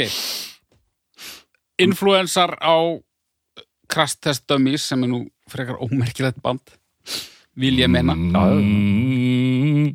gríðalegt influens á annan tónlistamann sem að flestir þekkja sem er Danny Elfman. Já, sem frontaði nýbylgju sveitina Oingo Boingo já, já. í, í, í Norður Ameríku sem er nú svo hljómsveit sem ég hef heyrt í sem að lí, hún er svona næst því að líkjast XTC finnst Já, mér. ég hef ekkert hlustað á Óingu Bóingu ég veit ekki hvort þetta er náttúrulegur söngstíl Elfmanns eða hvort hann er að stæla á trúnaðagóðið sem hann hefur fullirt að það er tilfellið, hann, hann tilbyður parþrið sko. En uh, rosa svipu rattbeiting og bara rosa svipaði fílingur í þessum böndum sko. Nema bara kannski ekki alveg á gott band en fínt band sko. Út úr dúr svo, hérna, svo hérna hefur hann verið að semja í gegnum tíðina líka? Í gegnum tíðina já, síðan þá. Já, já, hann hefur aðeins samið. Aðeins komið inn á, inn á hann á, eitthvað. hann á nokkra lagstúfa. Já, Já, það er ágættur listi hérna af, af böndum sem hafa talað upp sem sem influens sko. Um, Við getum nætt hérna Kúla Sig, Herði Saman, Stone Rose uh, S- U2 R.E.M. In Excess uh, Peter Gabriel Kurt Cobain. Þannig að, já, já. En ég held sko, wow Það er gespæti við útstættingu það er þegar maður þarf að tala um svona margar tvöfaldarplöð Já, Sko, ég XTC er viðurkend og svolítið stór dæmi í Englandi. Já, er það ekki? Jú, þetta er ekki band sem er tínt og tröllum gefið þar. Þetta er alveg sko en sko uh, hvað heitir lag 2 á Oranges? Hérna, vorum við að tala um á Já, hérna, The Mayor of Simpleton já, það er stærsta lagir í bandaríkjum Já, já, passar. Þá voru þeir farin að spila aftur líka. Voru, spiluðu í útvarstáttum og svona. Já, akústist Já, akústist einmitt. Já, ok. Þeir tóku eitthvað mjög auman Já. nokkura vikna akústik túr. Ok, var það en hann var ekki fáanlegur til að túra almennilega hann, ekki til að plugga? Nei, Nei, þetta var, þeir voru, það var svona þegar maður, já, það er svona og þeir nennið þessu valla, sko. Hvað hann sig ekkert á þessu tögafalli? Jú, jú en hann, hann er samt rosa sérvitur og, og Skrítin skrúfa. Þetta er bara svona kjörmynd svona the eccentric Englishman. Hann er bara kjörmyndin af þessu, sko. Já, hann tekkar í öll bóksinn, sko. Já, hann er með svona, hérna, le, leikfangalestar heima hjá sér og, og það allt, sko. Já. Allur pakkin, sko. Og sko outputið er svo svakalegt þú veist, þetta eru ótrúlega margar útgáfur. Og svo tölum kannski örstutt um þess að tvær síðustu þarna. Já, en með þeim og með dúksplötunum er þetta held ég 13 plötur held ég. Það er sem tværi viðbútt en síðan sko er ógrinni laga sem að eru skilin eftir á hverju plötu sko. og þú veist, ég var að skoða hérna, margir sem hvaða plata það var og svo var eitthvað reissue með öllum lögunum sem var köttað út og það var það var lengri listi en var á plötunni sjálfri. Mm. og þú veist, hann er búin að gefa út ógeðslega mikið af þessu. Líka undir eigin nafni hann gáði út einhverjar átta plötur með einhverjum demóum og áteks og sí. Jú, er hann ekki að senda þetta bara út frá, frá, frá bara skrif, skrifbólunum sínu? Ég held það sko. Og hann er bara hann er bara rugglaður Já. hann er rugglaður maður. Er hann bara alveg ruglaður? En það er heit, sko það er, það er hann uh, hvað heitir hún? Apple Venus? Já, Volume 1, hún kom út 2000 setna 2004 eða eitthvað. Og síðan er Volume 2 af því Wasp Star. Wasp Star. Apple Venus Volume 1 er 99 og Wasp Star- Star er 2000 já, ok, flottur aukur Já, negla. Mjög gott. Svo mjög gott. nálægt, næstu við komin í gegnum þetta. En og, og sko, og þær ég hef heyrt menn staðhæfa að þær, þær séu bara stórkostlegar og eitthvað svona, ég var samt ekki alveg að heyra það sko, Na, og rosalega róleg fyrir platan. Sko Apple Venus er ógeðslega skrítin. Já, hún er uh, hún er að megninu til sko trommulaus. Mikið akústíst, mikið sinfonist mikið slaki sko. Góðu dómar. Já, hún er nógu skrítin og það eru nógu mörg fín lögin á milli til þess að mér finnst hún bara ágætt sko. Ok, uh, svo síðar ég fekk slakari dómar. Já, ég er ekki sérstaklega hrifin að henni. Hún er svona hún er svona platar sem hefði meika sens að hefði verið fyrsta comeback platan. Svona uh, aðeins svo langt tími liðin og við erum að gera svipað en bara verð. Hún er svolítið þannig. Já. En náttúrulega þessi þessi pásan á milli kom til af því að þeir bara fóru í endalega fílu við vörðsinn og bara þú veist, ok, fyrst að við fáum ekki betri samning og, og þú veist, þá bara ætlum við ekki að gefa neitt meira út Já, hjá já. ykkur. Þetta er þeir- sjö ára fíla Já, þannig að þeir eh, setja bara allt á hold þangað til að þeir losna undan samning. Já, já, og leiðilegt frá því að segja að uh, þeir eru ekki dýninu sambandi Partridge og Molding. Næ, það er, e eða, það er ekkert fallout. Þeir eru bara ekki í sambandi. Næ Molding var að keira eitthvað dæmi með Chambers Og Partridge var að keira eitthvað dæmi með annars er Barry Andrews Jæja, og hins vegar Dave Gregory minni mig. Nei, að ég man það ekki. Þetta er eitthvað svona criss-cross og hérna tengsl. en ég ætla bara að segja ykkur frá því að hérna, ég, ég átti tíma í gær þannig ég bara, þetta er ekki nema klukkutíma heimildamind mm. og hérna ég ákvað bara skellin í heitir bara This is Pop e- klukkutíma og tíu mínútur og ég svona vissi, vissi þetta nú flest allt en sjá hann Andi hann er alveg í lægi hann er bara excentrik sko. Hann alveg sko, var skýr, hann, hann sagði frá hann, hann beigði af þegar hann var að rifja upp hérna taugáfallið og svona sko. Ok, en, en þú sérð alveg bara þetta er bara svona karakter. Og hérna það er, það er einhvern veginn maður skilur þetta allt sko. Típa. Og svona ógeðslega klár og hæfilegar ykkur Já, og, þó- og þó hann hafi hætt að spila live og dreigði sig í hlið og svona, þú veist, hann er alveg til í að tala um tónlistina og hann veitir viðtöl og, og, og allt svoleiðis, þú veist, hann er ekki, hann er ekki óaðgengilegur þannig. tala stanslöst En hérna, já, hann er bara skrítin. Samkvæmt þessu er plata annarkvort sóloplata frá honum uh, á leiðinu núna eða komin út á árinu 2021 sem heitir My Failed Songwriting Career Volume 1 Já, alveg rétt. Hann ætlaði að gefa út plötu með öllum lögunum sem hann hafi submittað til annara artista og fengið höfnun. Djúvel, það er glæsilegt. Djúvel, það er mistarlegt en sko, fyndið sko að því að þessar hljómsveitir hafa oft verið borðnar saman Bítlanir og, og XTC Já, bara væntalega út af þessu uppáttækjasemi og uppfinningasemi og tilhjónastarfsemi og nýsköpun sko. og ógislega flott. Og hérna Já, mér syndist að flestir þeir sem er að tala um þá sem influence það eru lagasmíðar og, og bara þessi, já, forvitni að að finna nýja leiðir til þess að smíða tónlist sko. algjörlega hann, hann situr hann hann og lýsir þessi yfir bara, ég er í hljómsveit sem byrjaði rosalega vel og var síðan ennþá betri Mm. að því ég er nýbúin að horfa á þess að þætti þessum Paul McCartney er að tala við Rick Rubin hafið heyrt um þá þætti Já, Já, 3-2-1 McCartney mm.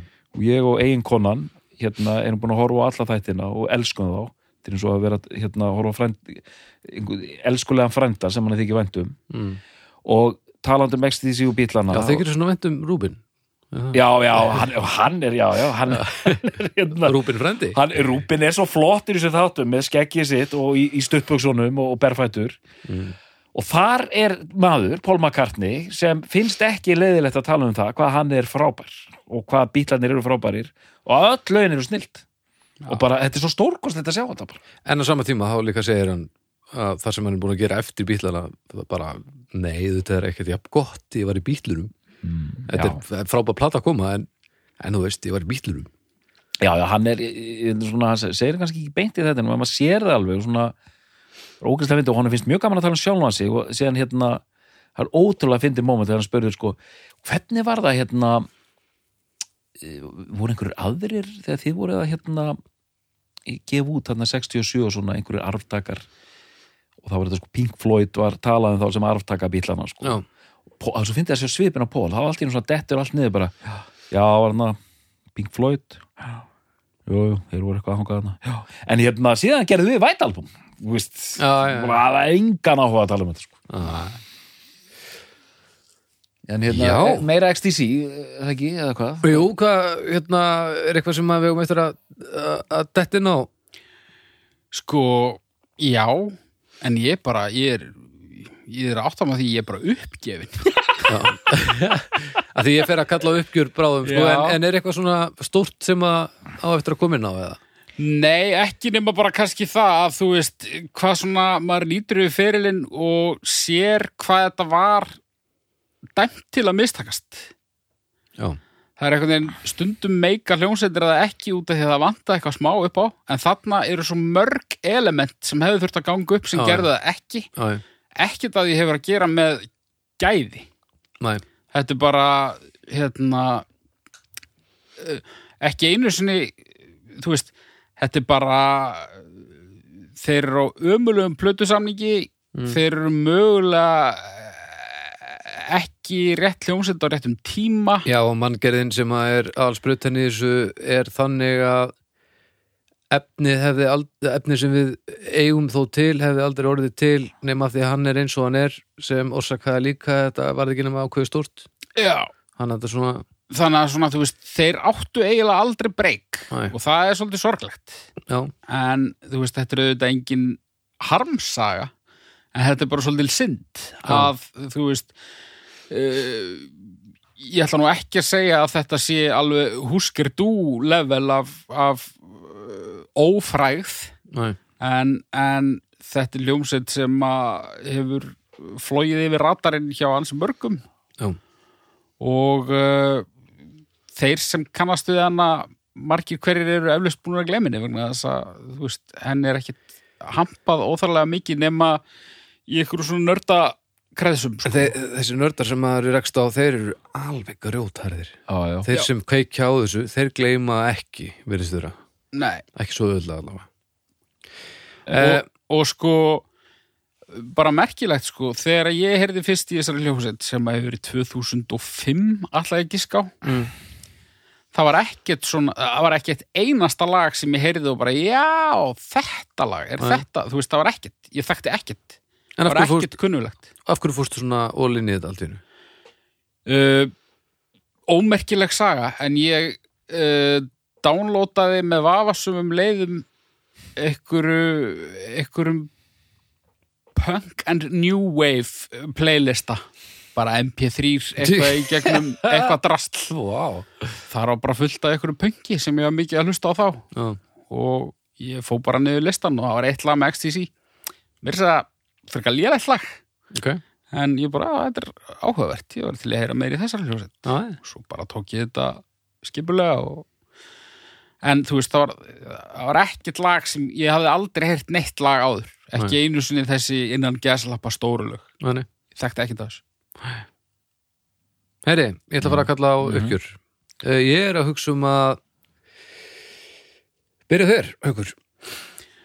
Já, uh, enn og aftur kemst ég að því að ég hef rangt fyrir mér varandi hver besta plata XTC sé Já. það er ekki Black Sea sama hversu mikið ég vil að hún sé besta platan þá er hún það ekki því að English Settlement frá 1982 er það Mhm. hún er uh, mögulega sterkasta tvöfalda albúm sem að ég uh, veit um Ok. um, einn raun hundur. Mhm. tvei þrý fyllerar, restin snild. Hann hundar með að standa. Hundar mega hundar standa. mega standa. Já, það er heila málið. Já, já. Um, og já, bara hvet þá sem að uh, eru í myrkrinu með þessa ljónsett til að kynna sér hana. Uh, engin betri startpunktur uh, en annar. Uh, vaðið bara í þetta og uh, já, ég gef doktornum orðið. Mhm. Já, þetta er einmitt trikki þáttur sko, ég elska þessa hljómsveit mjög mikið, ég geta að tala bara um No Thugs in Our House allan þáttin hérna, Og ég vil bara takk fyrir að þakka þér fyrir að gera það ekki.